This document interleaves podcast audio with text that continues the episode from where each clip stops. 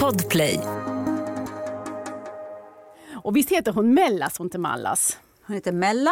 Mella. Och, så, och sen så ska jag, så att inte du får brev från norrbottniska lyssnare, att Kurravara uttalas som om du hade skrivit det med O. Kurravara. Kurravara. Bra! Kurravara. Du, Strålande! Ja. du, du hör ju hur långt geografiskt jag har till de här Exakt, namnen. men jag tycker att du gör det så bra. Så det kan bli att du får rätta mig. Nej, då.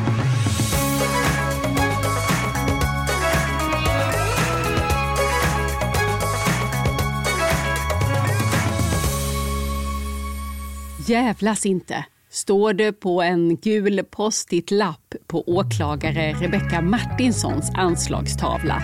Ditsatt av den bortreste chefen. Men det är verkligen lättare sagt än gjort denna vårvinter i Kiruna när hela isflak av livslögner spricker upp under fötterna. Fädernas missgärningar heter Åsa Larssons nya roman. Ett sista efterlängtat återseende av Rebecka Martinsson, Anna Maria Mella och de andra i Larssons Kurravara.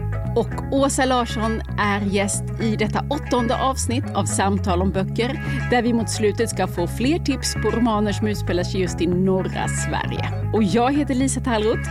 Nu börjar vi.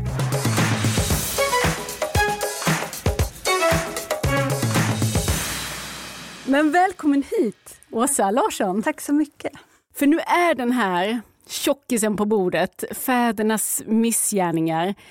Rebecka Martinsson är tillbaka, det står det till och med på boken. Och det avslöjas redan från början också att det här är den sista delen om henne. Det verkar väldigt bestämt. Ja, men det var bestämt från början att om någon vill ge ut eh, böckerna om henne så skulle det bli sex stycken. Så det visste jag redan när jag skrev den första. Nu får du då lå- låta som du hade hittat Moses stentavlor och där var det inristat. Nej, det och var- detta går inte att ändra. Nej, men det var någon sån där bara, alltså jag tror att eh, intuitivt så kanske man känner på sig hur, hur långt en mm, person räcker att skriva om. Och sen hade jag bestämt att det här skulle bli min skrivarskola också. Så efter sex böcker skulle jag vara en, en fullärd författare. Kanske du är. Kanske man inte är, men det var i alla fall det som var någon sorts tanke. Ja, vi, kan, vi kan återvända till det där, för jag tänkte vi ändå skulle dyka ner i berättelsen som vi har att göra med här. Och eh, några trådar som jag har tänkt att jag ska lirka ut ur detta rika nystan som det är. Det är boxning, det kommer handla om Kiruna och Kurravara och hundar och Gud. Jag bara föranmäler det. Jag tycker att det låter eh, som jätteroliga ämnen och så får vi beställa frukost som vi behöver imorgon bitti då när vi har hållit på. Sen känns det ju nästan lite överflödigt att tillägga, för det tror jag de flesta har koll på, att det finns ju en spänningspuls här också. Det är missgärningar som begås och har begåtts och det är gåtor som ska få sin lösning.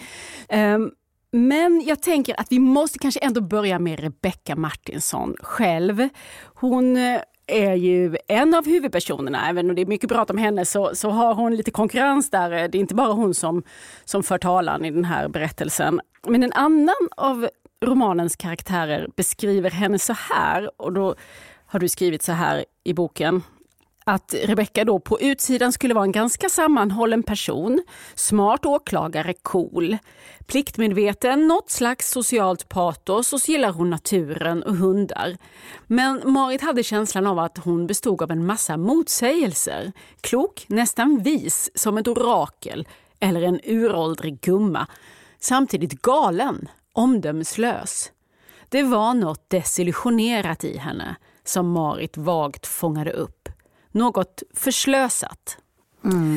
Nu är ju Marit en kärleksrival till eh, Rebecka kan vi säga. Men det är hon som får göra den här beskrivningen. Hur nära träffar hon sanningen skulle du säga om Rebecka?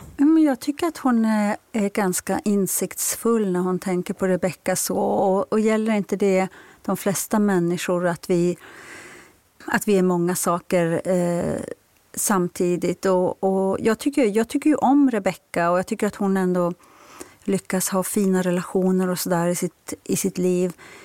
Men det finns ju också någonting som är mm, skört med henne. Det har också gjort det intressant för mig att, att, att känna henne under alla år och skriva om henne. Så jag tycker att Marit är ganska prick på där. Och vad är det som skulle kunna vara förslösat? För det ordet som du, ni använder, du och mm. Marit. Ja, men jag tänker att till exempel det här med att hon någonstans har skaffat sig sitt människovärde genom att mm, jobba och vara duktig och hands upp på den. Alltså det är inget fel att jobba och vara duktig men att ibland så, så eh, Rebecka tänker om sig själv också vid något tillfälle i boken att hon, att hon liksom inte längre känner sig så levande som hon gjorde när hon var liten. Och att vi förslösar någonting av det. Att vi också kan bli så upptagna av annat så att vi inte ägnar tid åt att vara försunkna eller tänka våra tankar eller liksom bara vara levande. Och, och sen så tänker jag ju också att hon, att hon ibland missar bra relationer. I den, här, I den här boken har hon ju faktiskt till exempel på något sätt också förslösat sin relation med, med Christer. Så ja, men sådana saker kan man gå miste om i livet. Eh, när vi träffar Rebecka nu den här gången i den då sjätte delen, då är hon ju ganska låg när det börjar. Och, och varför är hon det skulle du säga? Men jag tänker också att livet kommer ikapp oss ju äldre vi blir. Och, och någonstans så tänker jag att hon börjar också kanske drabbas av den här känslan att alla runt omkring mig kanske faktiskt inte idioter och sådana som utnyttjar mig utan det kanske är någonting i mig själv som hjälper till att försätta mig i de här lägena hela tiden när jag plötsligt känner att jag jobbar för ingen uppskattning alls och känner mig utnyttjad och, ensam också. Att hon, att hon tittar på det på mer, alltså inte bara eh, i ett någon sorts tycka synd om-läge utan, utan att det kanske börjar knacka på någon sorts verklig vilja att, till förändring och, eh, och, och självinsikt. Mm. Och själva hennes arbetssituation är ju kass i det här läget. För eh, chefen har rest bort och då är det den här denna satans Karl von Post, eh, hennes åklagarkollega där som har fått axla chefsrollen och såklart tagit tillfället i akt och dumpat en massa tråkigt pappersarbete på henne. Så hon står där liksom fast vid sitt eh, skrivbord. Det är också en liksom startpunkt där att det blir fel på så många sätt det här. Men jag tänker i alla delarna har väl om Rebecka har du väl berört den här inre dragkampen kring var hon hör hemma också geografiskt. Hon har liksom slitits mellan Stockholm och Kiruna och nu är hon då till slut i alla fall installerad här i farmors gamla eternithus med Siving i källaren. Där har vi träffat henne förr men nu är ju tanken att hon ska, ska bo där, att det är i Kiruna hon ändå ska försöka leva sitt liv. Men varför är hon här egentligen? Vad har hon i Kiruna att göra? Jag tror att hon är där därför att jag inte kunde vara där. Jag, eh, jag eh, pluggade, jag utbildade mig till skattejurist, träffade barnens pappa, skaffade barn och utan att, jag egentligen, utan att det var ett genomtänkt beslut så, så fanns det plötsligt ingen väg tillbaka att flytta hem för, för mig själv. Så jag tänker att på något sorts omedvetet sätt att, att jag har skrivit om Rebecka och att hon har fått flytta tillbaka till Torneälven som är hennes hemmaälv och som också är min hemmaälv. Så har det varit för mig ett, ett sätt att få, att få vara kvar där. Så jag, jag, jag tror att det beror på det. Och nu när mina, min sista unga har flyttat ut så, så kan jag liksom på något sätt flytta efter henne. Jag, jag, det är ju ett av mina projekt nu, att, att tillbringa mer tid i Malmfälten och Tornedalen. Och vid Torneälven just. De här böckerna har du ju, om Rebecka och hennes liv i Kiruna har du ju då skrivit på det där avståndet. Även om jag förstår att du åker upp då och då så har du ju ändå skrivit det med horisonten från eh, Mellansverige eller var du har bott. Vad tror du det spelar för roll för dig att flytta dit? Men jag ska inte flytta dit. Eh, jag ska bara skapa möjligheter för mig att vara där under längre perioder. Jag tycker det där är en sån intressant fråga. För jag tänker att hade jag inte flyttat därifrån så hade jag ju inte skrivit de här böckerna. Och det kommer liksom gott och ont ur det. Att jag kan känna att det finns något som är bra med perspektivet och det finns också något bra som handlar om den förälskelse till, till ens hemtrakt som kan uppstå och som kanske inte skulle ha uppstått om jag hade bott kvar. Och så till sist, så, i alla fall jag, så hamnade jag i ett läge där jag känner att nu kan inte jag skriva om, om Malmfälten och Tornedalen längre utan att vara en, själv en del av den berättelse som jag berättar. Um, så att, distans kan vara bra, men distansen får inte bli för långvarig och för stor. Tänker jag. Det påverkar perspektivet? Ja, det tycker jag. Mm. Ett poddtips från Podplay. I podden Något Kaiko garanterar östgötarna Brutti och jag, Davva, dig en stor dos skratt. Där följer jag pladask för köttätandet igen. Man är lite som en jävla vampyr. Man har fått lite blodsmak och då måste man ha mer. Udda spaningar, fängslande anekdoter och en och annan arg rant. Jag måste ha mitt kaffe på morgonen för annars är jag ingen trevlig människa. Då är du ingen trevlig människa, punkt. Något kajko, hör du på podplay. Därför är gardinerna. Den här romanen är ju rik på både människor och djur. Vi konstaterar ju båda två att vi hade läst i tidningen idag att det var några litteraturvetare som kunde konstatera att växter och djur har försvunnit mer och mer ur litteraturen, i alla fall ur ett långt historiskt perspektiv som de hade, hade undersökt. Men det kan man inte skylla dig för, för här är det mycket natur är det, men sen är det ju framförallt väldigt många hundar som får ta plats i berättelsen. Och namngivna träd som ja. också saknades i den där. det är björk, musöron på björkarna och tallar. Men hundarna kommer vi inte förbi. Varför får de ta så stor plats i den här boken? Mm, därför att de tar stor plats i, i mitt eget liv. Jag tycker att det är någonting oerhört speciellt med, med just hundar. Alltså, om man jämför med hästar står vi ju också nära men det är ju ändå så att vi människor fångade in hästarna en gång i tiden och domesticerade dem. Hundarna sökte upp oss och flockade ihop sig med oss. Och det gör att just, jag tycker att den relationen är någonting utöver Jag vet att folk som föredrar andra djur inte håller med, men jag tycker att alltså, hundar är svårslaget. Alltså, just när det gäller att, eh, hur vi blir flock med dem. Hundarna Dels så speglar de ju människornas eh, känslor en del, tänker jag. Eh, det, finns fler, det, är inte, det är inte så att alla människor i din bok äger hundar, men flera av nyckelfigurerna gör det.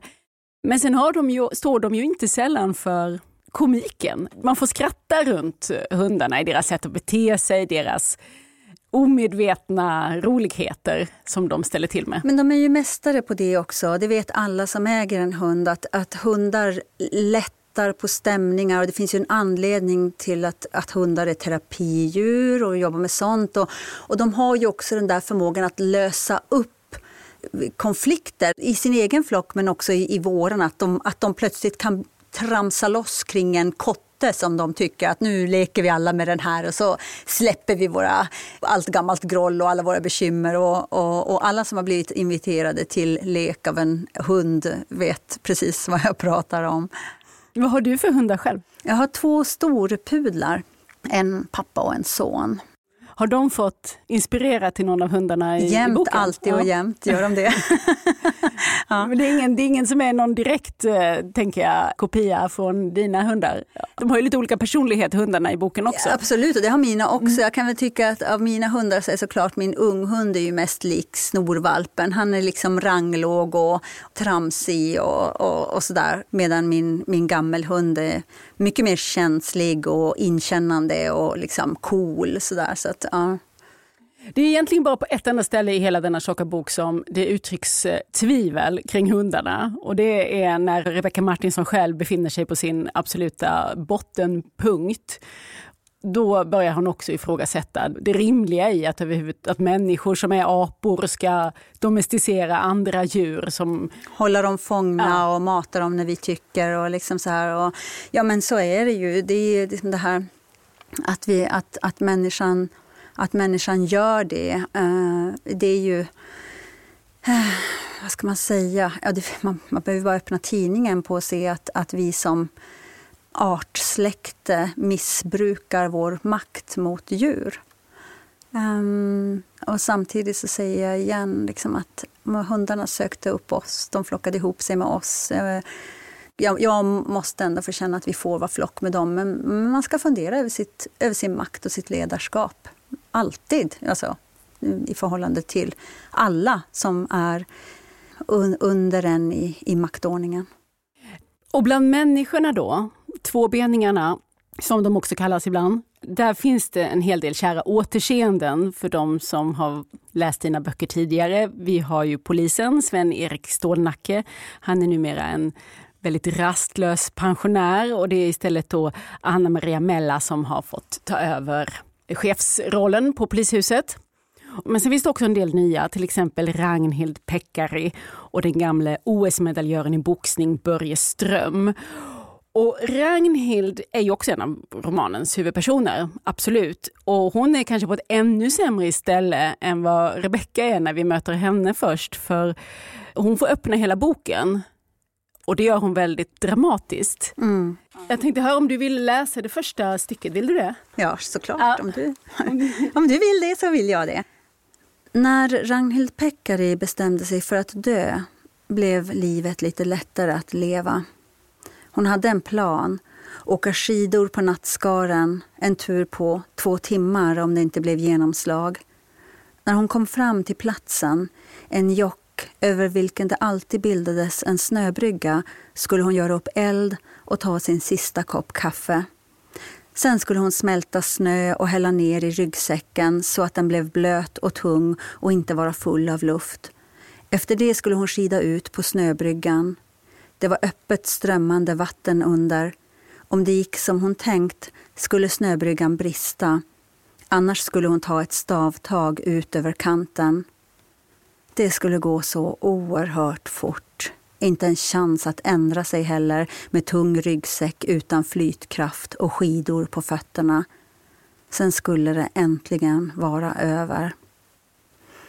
Hon hade stämt träff med döden och döden skulle hon få möta faktiskt samma dag som hon i hemlighet bestämt men inte på det sätt hon tänkt sig.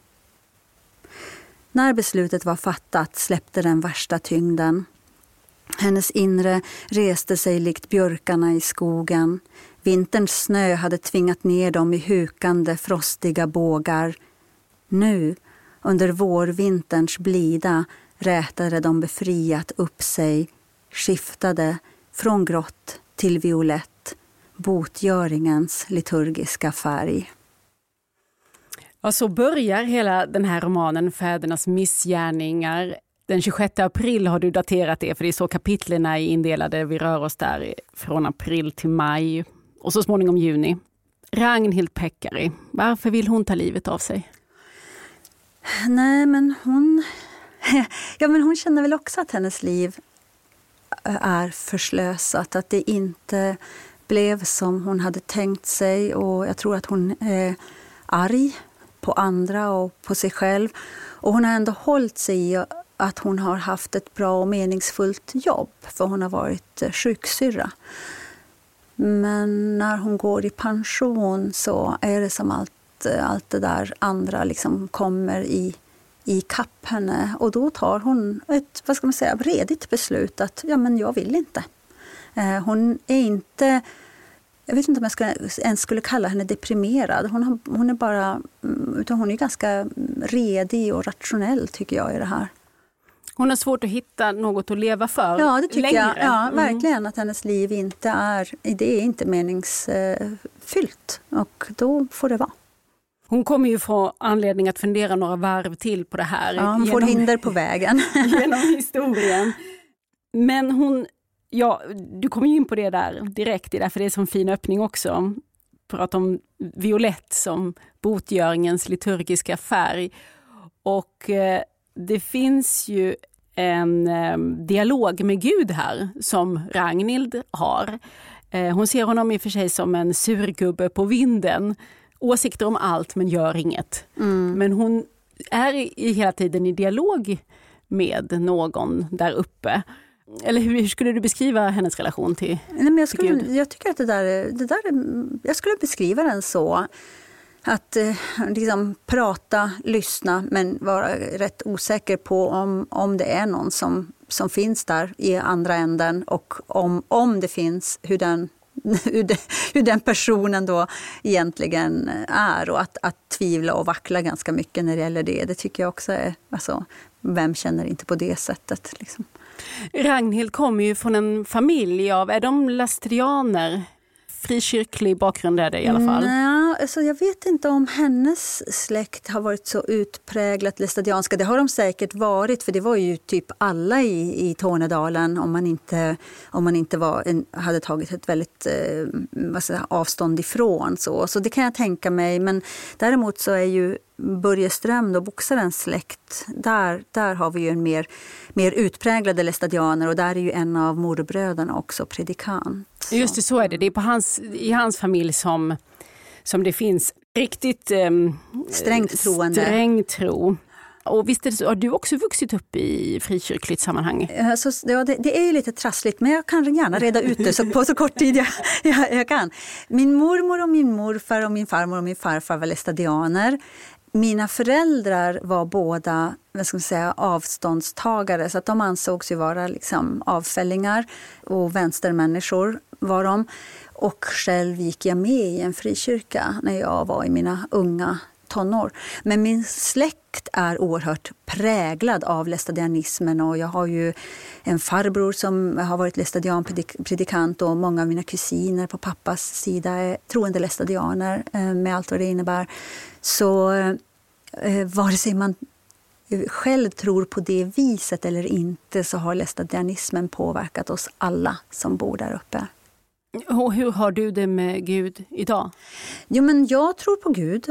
Mm, men jag är ju absolut inte... Alltså, um, men kanske på ett... Hur ska man säga det här utan att det låter så mm, flummigt? Nej, men jag, jag, jag, jag, är kristen, men det har tagit lång tid för mig att, så att säga, komma tillbaka. Jag, jag hade en, en lång period efter min frikyrkotid så hade jag en lång period av där jag kände att, att, jag, att jag hade någon sorts allergi mot kyrklighet och, och allt där överhuvudtaget. Så det tog ett tag att komma tillbaka till någon sorts ja, när man känner liksom att okej, okay, det, här är, det här är min väg, men det behöver inte vara någon annans väg. alltså, ja, där någonstans. Har du lite av den här dialogen som, som Ragnhild ja, har? Ja, jag kan mm. verkligen känna igen mig i det. Att man är så här, ibland så att, att, att be kan vara... Jag tror ju på att att meditera, att be, att, att, att överhuvudtaget ta sig den tiden, särskilt idag, tycker jag är, är viktigt. Och sen så kan man verkligen fundera på om man, om man är i dialog med någon eller inte. Att, det, att be till Gud kan ju ibland kännas som att stå i någon sorts tom gympasal och bara få någon sorts ekande av sin egen röst tillbaka. Så att, men jag tycker att det är, trons praktik är värdefull för mig. Um, och nu råkade det bli den kristna praktiken. Nu är ju inte alla romankaraktärerna här troende, men jag tänkte ändå på att återkommande hos alla, i alla fall de vi får lära känna lite när närmare, det är ju att de söker just botgöring tänker jag. Eller balans, man skulle kunna prata om det i, nästan i ekonomiska termer också. Man gör uttag och insättningar i livet och gentemot varandra och det finns ett behov av att betala tillbaka där det har tagits för mycket. Det kanske inte alltid sker i omedelbar valuta men, men över tid och med allt i minne så när möjlighet ges så söker dina karaktärer efter att Ja, kanske botgöring just. Det tänkte jag att det något som återkom på, i stort och smått över livet, och, men även i de här liksom, små vardagliga gruffen eller bråken som bryter ut där på polisstationen mellan Anna Maria till exempel och Rebecka. De åker ju luven på varandra men känner också att de måste försöka balansera det där. Vad tänker du om den beskrivningen? Men jag, jag håller med dig och jag tänker att, att det, det är det där som är så spännande med relationer, att de alltid är i förändring och att och att det faktiskt är viktigt att det är någorlunda i balans mellan alla, på, på, vänner, arbetskamrater, partners. Men också det där med också att, att vi ärver saker. Att eh, de sorger som vi inte sörjer och de förluster som vi har som är obearbetade, att på något sätt så hamnar de i knät på våra barn. Men att det också är ett sätt till, ett, en väg till försoning. Det här när man blir äldre och faktiskt inser att ja, men min mamma hade också föräldrar och min pappa hade också föräldrar och de i sin tur hade också föräldrar. Att, att det är så här, alla är också någons, någons barn. Att det finns någonting som bäddar för alltså försoning och acceptans. Nu känner jag att det här blir så teoretiskt men, men, men, alltså, men det finns ju någonting i det där med allting som vi har, har tar med oss och att vi faktiskt också plockar med oss det in i våra kommande nya relationer, det som vi har med oss bakifrån. Jag tycker att sånt är jag tycker ju själv att sånt är otroligt intressant, så det är klart att då, då skriver jag om det också.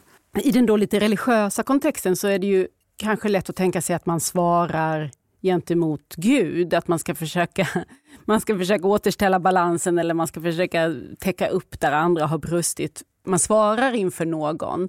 Men hur tänker du kring det där? För det, det är egentligen inte det är någonting som jag lägger på nu. Det är egentligen ingenting som dina romankaraktärer eh, går och funderar på så mycket tror jag. Inte dugg, Vilka svarar faktiskt, de nej. upp gentemot? Ja, men mot skapelsen tänker jag. Alltså, det gäller ju hela, alltså alltihopa. Att, vi, att man, man får försöka liksom Ja, jag, jag tänker också på det här på ordet, ordet, ordet förlåt. Det är ju någonting som, som kommer upp rätt starkt i, i den här boken.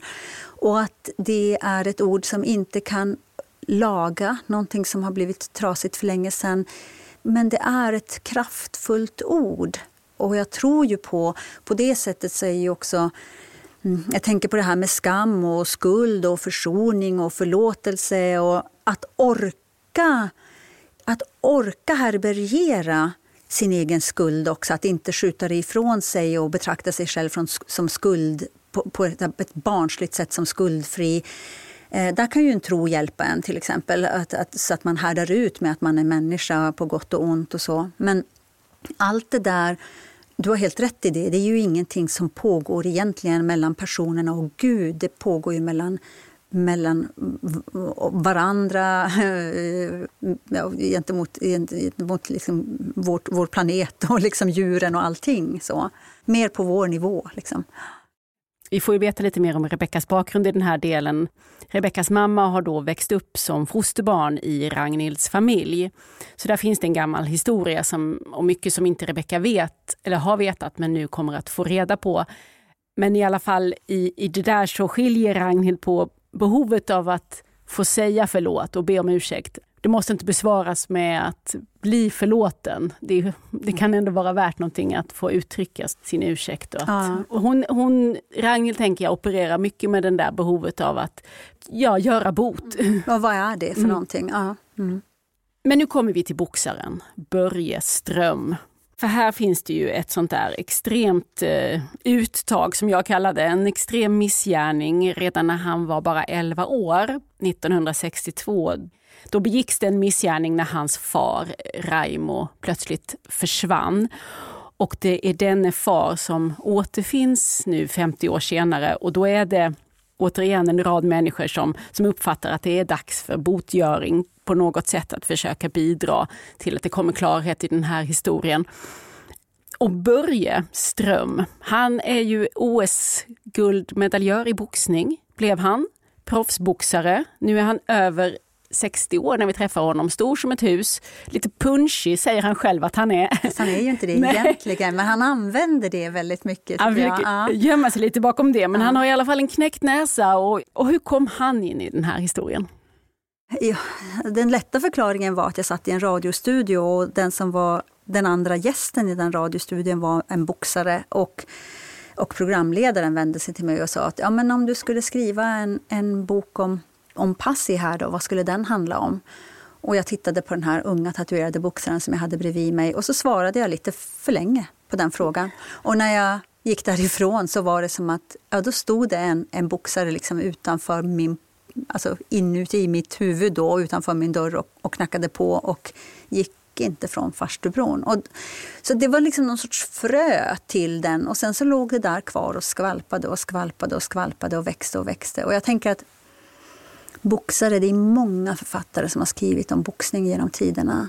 Joyce Carol Oates älskar boxning till exempel. Och det är ju någonting speciellt med den otroliga klassresa som man kan göra. Det tyckte jag var intressant. En enkel kille från Norrbotten. Liksom. Och att du är ensam i den där ringen. Det är priset, risken du tar är så hög. Men belöningen kan bli så stor. Och, och det finns så mycket, det finns, ju- ja som sagt, det finns en anledning till att det finns så mycket filmer om boxning och böcker om boxning. Liksom. Det är någonting som är spännande att utforska som författare. Men Hade du någon relation till boxning innan du bestämde dig för att skriva om Börje Ström? Alltså ingen alls. Och det där var ju ganska problematiskt för att det gjorde att, att jag var tvungen att utbilda mig. För vi är ju uppe i ringen. Vi går, Ja, ja. Vi går en hel del matcher i den här boken. Och det är ju för att de har en betydelse i berättelsen. De finns ju liksom inte där utan anledning. Så att, ja, det blev mycket boxning under de här senaste åren. Men vad har du haft för lärare? Jag har främst haft två boxare som jag har pratat med och sen har jag läst en massa böcker, tittat på matcher, tittat på filmer. Ja. Har du blivit biten själv? Alltså, så att det här är någonting som du kan tänka dig Ja, att... alltså, ja, lite. Jag märker ju att min, min, to, min tonårsson som är löpare, han är inte alls någon, någon boxartyp. Han tittar på boxning med sina kompisar och, och nu för tiden går ju sådana här matcher på Youtube och så. Så att, ja, men vi kan sitta och titta ihop nu och jag tycker att det är intressant och jag märker också hur jag kan då blir man ju lite mallig nästan, att man kan säga bara, ja men märker du att han, nu, nu gör han så här och så här och sen så säger kommentatorn liksom samma sak och, då, och så inser man att ja, men, jag, så ja, men jag, kan, jag, kan, jag kan inte mycket och, och jag tappar, tycker du verkar kunna tappar ju namn och årtal och sådär. Men, men, men det mesta här i världen blir ju liksom intressant när man börjar lära sig någonting om det. Så är det. För du har ju lärt dig en del om kombinationer Ja, av slag tvungen. och Ja. strategier och var tyngdpunkten ska ligga och var blicken ska ligga. Det är ju en nästan outhärdlig sport ibland för att den, är ju, den kan ju vara väldigt brutal. Så. Jag vet, du skriver, det är någon som ser ut som en maträtt på en billig sylte. Precis. Och, och det är också genom Börje som vi rör oss i två tidsplan i den här berättelsen. För vi får ju följa honom från det här försvinnandet på 60-talet och upp genom åren samtidigt som vi kommer tillbaka till nutiden. Och nutiden tänkte jag i boken, jag hörde dig säga någonstans att den var ganska specifikt satt till Ja, eh, 2016, men det har jag inte skrivit ut i boken. Men jag kände att dels så var det ju rent alltså, av praktiska skäl. Rebecka får kanske inte ha blivit så mycket äldre. Men framförallt så ville jag att det skulle vara precis i det där skedet när Kiruna, när man börjar se att stan ska flytta, när det börjar hända saker och man börjar dra om vägar och sådär. Så att det skulle vara i det skeendet av, av stadsflytten också. Och nu, nu måste jag med hjälp av Sven-Erik Stålnacke rätta dig. Stan ska inte flyttas, den ska rivas och ett nytt ska byggas på, eh, på en annan plats. Ja. Det är ju vad han försöker komma över och bearbetar. Sven-Erik Stålnacke som en gång i tiden var ju polischef men nu är pensionerad. Han dras ju in och har en stor roll i den här boken också. Han har ju svårt att acceptera förändringarna. Du skriver så här att det Kiruna han kände och mindes försvann i ett välplanerat jordskred. Själva grunden för hans minnen skulle utplånas. Och det är ju den här stadsflytten då som vi andra har lärt oss att det heter. Ja, vi, ja, det- även vi i Kiruna kallar det för stadsflytten. Och det finns ju, även om han nu är väldigt eh, nedstämd över det det beror ju också på att han känner att han inte har någon framtid i den stan. Hade han inte varit pensionär så tror jag att han skulle ha känt på ett annat sätt. Alltså man måste ju komma ihåg att Kirunaborna är ju liksom också förväntansfulla och glada över liksom det nya alltså centrum. Så alltså det är inte så att, att alla liksom sitter och deppar. Det, finns ju någonting, det är ju inte som att en industri har lagts ner och därför börjar vi riva hus. Utan industrin ska leva kvar. Gruvan. Ja, precis. Försörja oss och Sverige.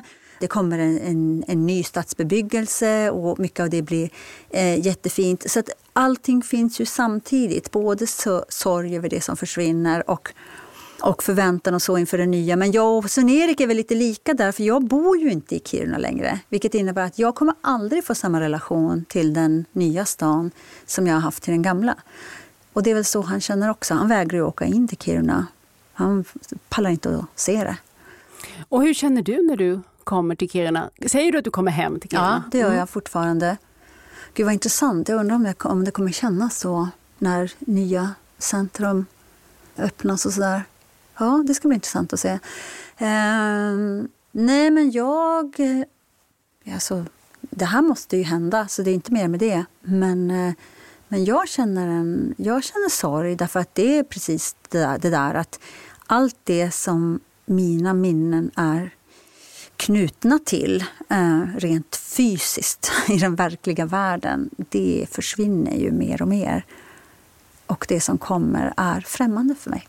Och, och jag älskar den där stan och det är min hemstad. Så att det finns sorg i det här också. Ett poddtips från Podplay. I podden Något Kaiko garanterar östgötarna Brutti och jag, Davva, dig en stor dos skratt.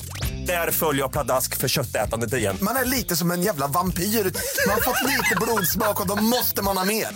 Udda spaningar, fängslande anekdoter och en och annan arg rant. Jag måste ha mitt kaffe på morgonen för annars är jag ingen trevlig människa. Då är du ingen trevlig människa, punkt. Något Kaiko, hör du på Podplay. Därför är gardinerna. Och sen är det ju någonting annat som de här förändrings omvälvningstiderna för med sig. Rebecka hon ser ju framför sig att någonstans så sitter det människor med kartor och letar efter sårbara platser som de kan slå klorna i och det är det hon är på spåren att någon har gjort också. För de har kommit fram till att just Kiruna är en sån där sårbar plats. Och vad är det du, vad är det du försöker beskriva där? Utan att spoila för mycket så är det ju så att, att en stad som är i så här mycket förändring kan också bli... Alltså det är ju lukrativt för många att, att liksom få en del av den kakan och även för, för viss sorts brottslighet. Och, så det tyckte jag var intressant att fundera över, fantisera kring. Det händer ju liksom det här med att, att ett, ett samhälle, det finns ju samhällen liksom som blir dränerade av av den här sortens kriminalitet som ju handlar om mer om ekonomisk brottslighet det är inte gängskjutningar jag skriver om utan det, är, det här är ekonomisk brottslighet. Fast, fast det är mängder av gästarbetare och olika slags lösa kontrakt för också Absolut. med sig ja. det att... En, ett, ett, så för ju med sig ett kundunderlag som också finns. Och då, då börjar vi prata om, om liksom den här mer säga, basic kriminaliteten. Att har du en massa folk som inte Eh, har med sig sina familjer och som bor tillfälligt och som bor i massa i barackområden och så. Så då skapar du en mer lukrativ marknad också för droger och, och eh, sexhandel och sådana saker. Det tycker jag också är intressant att fundera på. Mm. Jag vet knappt om vi har lyckats berätta vad boken handlar om i sin mer krassa struktur. Men jag vet inte heller om det är det, det allra viktigaste. Eh, Svårt också när det är krim tycker jag, för att man vill inte spoila och sådär. Så att det här är alltid ett problem när man reser runt som deckarförfattare, hur mycket man ska berätta och så. För det är gott om överraskningar och det ska det ju såklart vara. Och eh, jag tänkte också på det att jag för en gång skulle, jag brukar ju vara en sån där som gnäller lite över att jag har svårt att hålla reda på alla personer när de är många. Men det är verkligen inte ett dugg svårt här. Det är något med tempot. Jag vet inte varför, varför lyckas du berätta om så här många människor och göra avvikelser både här och där när det dyker upp någon intressant sidofigur utan att förvilla bort mig? Kanske för att jag har skrivit för barn. kan det säkert vara. Ja, nej, men alltså, men jag, jag vet att det är som du säger. Det här, den här boken har ju fått växa organiskt. Det är många människor och det är många skeende och så här. Och, och, och jag tror att det är så otroligt viktigt då att man utan att bli liksom trist och övertydlig. Man måste hålla sin läsare i handen och man måste också sätta måste vinnlägga sig om alla de här personerna så att man eh, faktiskt eh, jag är glad över att du säger det, för att jag har verkligen ansträngt mig för det i alla fall. Så det var, det var faktiskt fint att höra. Har du, hittar du naturligt den där rytmen som innebär alltså hur länge vi ska få vara hos en karaktär innan du byter till nästa karaktär? För det, det är också ju ett eh, trick någonstans. Det där tror jag är både teknik och rutin men också någon form av, eh, jag ska inte kalla det för musikalitet, men alltså att man eh, känsla. Liksom. Begåvning. nej, men jag, tänker, nej, men jag tänker att allting är ju liksom... Eh, det är ju så med allt kreativt, liksom, att det, är, det, det består både av sånt du, du har lärt dig och också någon sorts eh, känsla. Mm. Den här serien började ju om Rebecca Martinsson 2003 tre, Då kom Solstorm och det blev stor succé. Och så började liksom resan med Rebecca Martinsson och för dig som författare, för då var ju du jurist och levde ett eh, mer vanligt kontorsliv. Och sen så kom de ju eh, där, eh, de första fem delarna, lite tätare. Men sen har vi då en lucka på nio år här som vi har fått vänta på denna sista del. Och nu är det inte så att du har varit eh, overksam under de åren för det har kommit tio böcker, kapitelböcker för barn, Pax-serien. Så jag ska inte på något sätt anklaga dig för att ligga på sofflocket. Pax-serien har du skrivit tillsammans med Ingela Korsell och eh, Henrik Jonsell som har illustrerat. Men, men jag kan ändå inte låta bli att undra varför har det tagit så lång tid att återvända till Rebecka Martinsson? Nej, men det är väl det. Paxprojektet kom, kom emellan eh, och jag kände att jag väldigt, väldigt gärna ville göra det.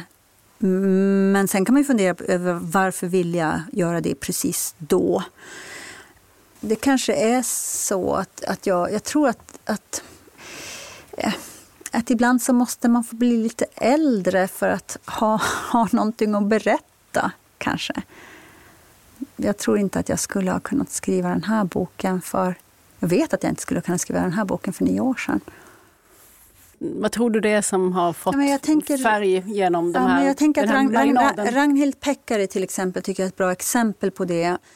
Jag hade svårt att lära känna henne och jag började ju på den här boken innan Pax-serien och jag fick inte inte riktigt liksom... Jag tyckte hon var svår att lära känna. Och sen nu när jag plockade upp den igen så var det trögt och svårt och, och, och, och sådär. Och när jag, lärde, när jag fick kläm på henne så började liksom boken hända. Eh, och jag, jag tror att, att jag behövde kanske växa ikapp henne lite. För jag är inte den enda som har frågat det här eftersom det är de här nio åren som du nu får, får svara på. Ja, det ska på. ju inte gå nio år. Om man skriver en deckarserie så ska det typ gå ett, max två år mellan alla delar. Jag visste inte när jag började att det skulle liksom ta nästan 20 år att, skriva de här sex böckerna, men ja, så blev det bara. Men, men eh, och, och jag har också hört det där förklara lite att det har varit lite tjorvigt att komma igång då med den här sista delen, Fädernas missgärningar. Men Sen bara, jag tycker när jag läser att det verkar som att du har haft så himla roligt. Alltså den är ju så flödande och du har ju ett fantastiskt språk och den innehåller ju mycket gråil. Det är ett väldigt bra ord som jag ska ta med mig. Den innehåller en hel del gråil. Vad är det för något? Ja men det är ju det här när livet känns lite... När man blir, när man blir lite låg sådär. Är det ditt ord? Nej, det har jag, det har jag, jag har snappat upp det någonstans ifrån. Det kan vara Sara, Sara Lidman, men jag är mm. inte säker. Men det, jag ska inte ta cred för det, för det är ett ord som finns där ute. Att... Men det är både gråil och vad nu motsatsen skulle vara? jo, men jag tycker det. Att, att är det, inte, det är väl liksom en konst det här med att, att kunna skriva om det utan att det blir tungt. Eh, för det vill jag inte inte, jag vill inte skriva liksom, jag vill inte att man ska bli gråilig av att läsa dem. Nej det blir man inte, man blir, eh, man blir på gott humör. Men lite hoppfull tycker jag väl att den är, är den inte det? Jo, ja. visst är den. Ja. Men jag försöker förstå mig på varför du så gärna vill lämna den här underbara värld. Som, jag, som varför du inte vill vara kvar där i, kring Kuravara med Rebecka som är en sån bes, härlig, besvärlig person. Ja. Nej, men jag tror ju ganska religiöst på det här med att, att man måste våga sluta. Man måste våga avsluta saker, relationer eller jobb eller vad det nu kan vara. Liksom. Eh, annars så, så, det, finns det för lite utrymme för, att, eh, för utveckling och att, att, att det ska hända någonting nytt också. Och sen är det ju läskigt att sluta. Men jag tänker att det är nyttigt för mig. Mm. Men du, du är inte sån där som måste ha en, eh, liksom en deadline och en piska för att det ska bli något av? Kan vi lita på att att andarna kommer till dig? Nej, det kan man ju inte lita på. Jag kan inte heller lita på det. Jag, det, har inte, det, finns ingen, det finns ingen just nu som knackar på, på så som till exempel Börje gjorde eller som eller som, som den här serien gjorde när jag började skriva den. Men jag tänker att, alltså, Harry, nu har jag ju precis liksom skrivit klart den. Jag är ganska skrivtrött. Sådär. Men jag tänker att man får vara lite tålmodig så hoppas jag att det händer. Så. Vad fyller du livet med när du inte skriver? Nej, men som de flesta, jag går i skogen med mina hundar och jag, jag läser och jag umgås med mina vänner. Och, eh, och sen så är ju författaryrket är ju, är ju väldigt mycket mer än att bara skriva också. Mm. Och hur hänger läsning och skrivande ihop för dig? Ja, jättestarkt. Ja, inte vet jag. Kan man vara musiker utan att lyssna på musik? Jag vet inte. Ja, jag skulle inte kunna skriva om jag inte, om jag inte läste väldigt mycket. Man vill läsa väldigt bra saker så att man hela tiden också jag har någonting att sträcka sig efter på något sätt. Har du läst någonting sånt på sistone? Som du... Ja, alltså med, med risk för att bli helt övertjatig, men min senaste starka läsupplevelse det är ju Kerstin Ekmans Löpa varg. Alltså, och jag tänker också att den rackaren alltså, hon har egentligen skrivit en, det är bara det att det inte märks, hon har egentligen skrivit en deckare. För egentligen så är det här en liten, liten deckare om ett brott som inte är ett mord. I alla fall inte ett mord på en tvåbening. och, och det tycker jag är så... Hon, alltså, ja, hon är så skicklig. Och att man kan vara född 33 och fortfarande skriva med den pennan, det, är ju, ja, det ger en hopp om, om framtiden. Hopp om framtiden. Ska vi sluta där? Ja, men, alltså, det här var så trevligt, men vi måste väl göra det. Tusen tack Åsa Larsson för att du kom hit till Samtal om böcker. Tack för att jag fick komma.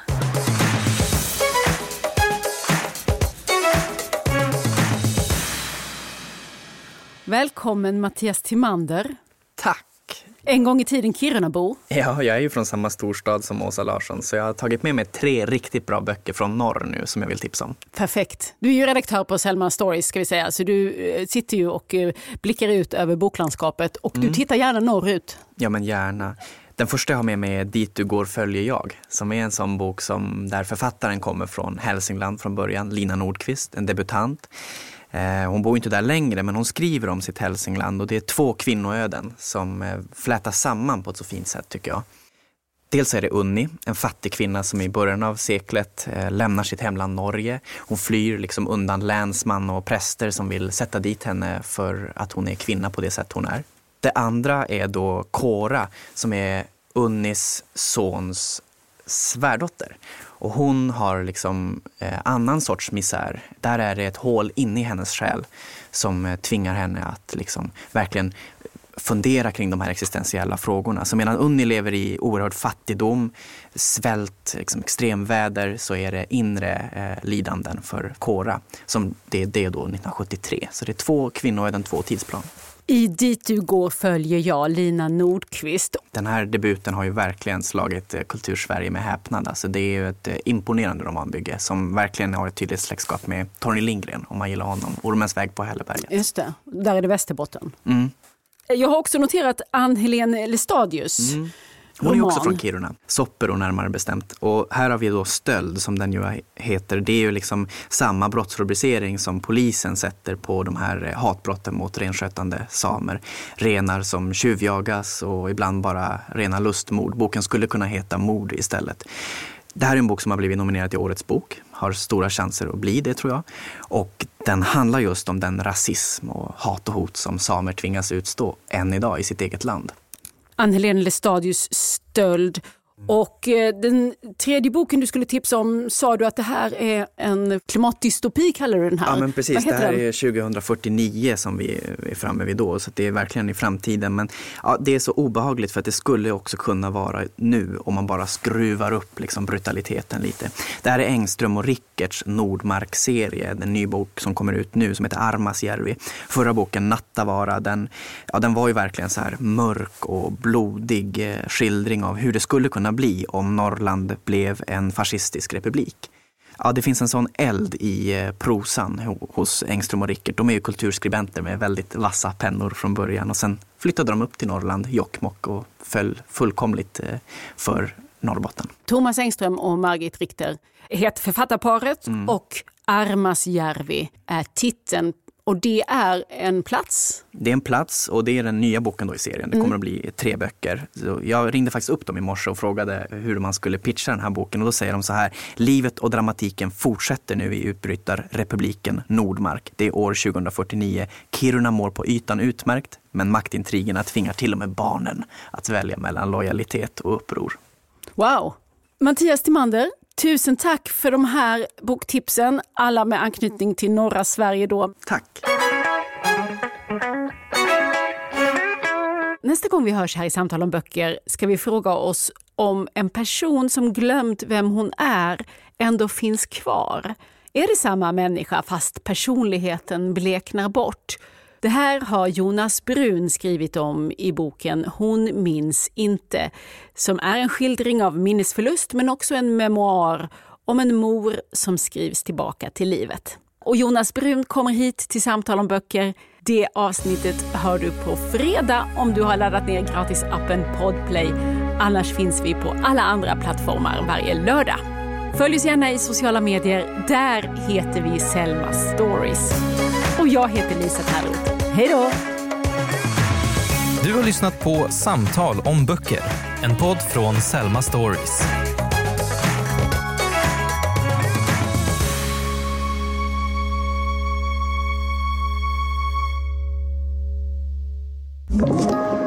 Podplay. Ett poddtips från Podplay. I fallen jag aldrig glömmer djupdyker Hasse Aro i arbetet bakom några av Sveriges mest uppseendeväckande brottsutredningar. Går vi in med hemlig telefonavlyssning och, och då upplever vi att vi får en total förändring av hans beteende. Vad är det som händer nu? Vem är det som läcker? Och så säger han att jag är kriminell, jag har varit kriminell i hela mitt liv men att mörda ett barn, där går min gräns. Nya säsongen av Fallen jag aldrig glömmer på Podplay.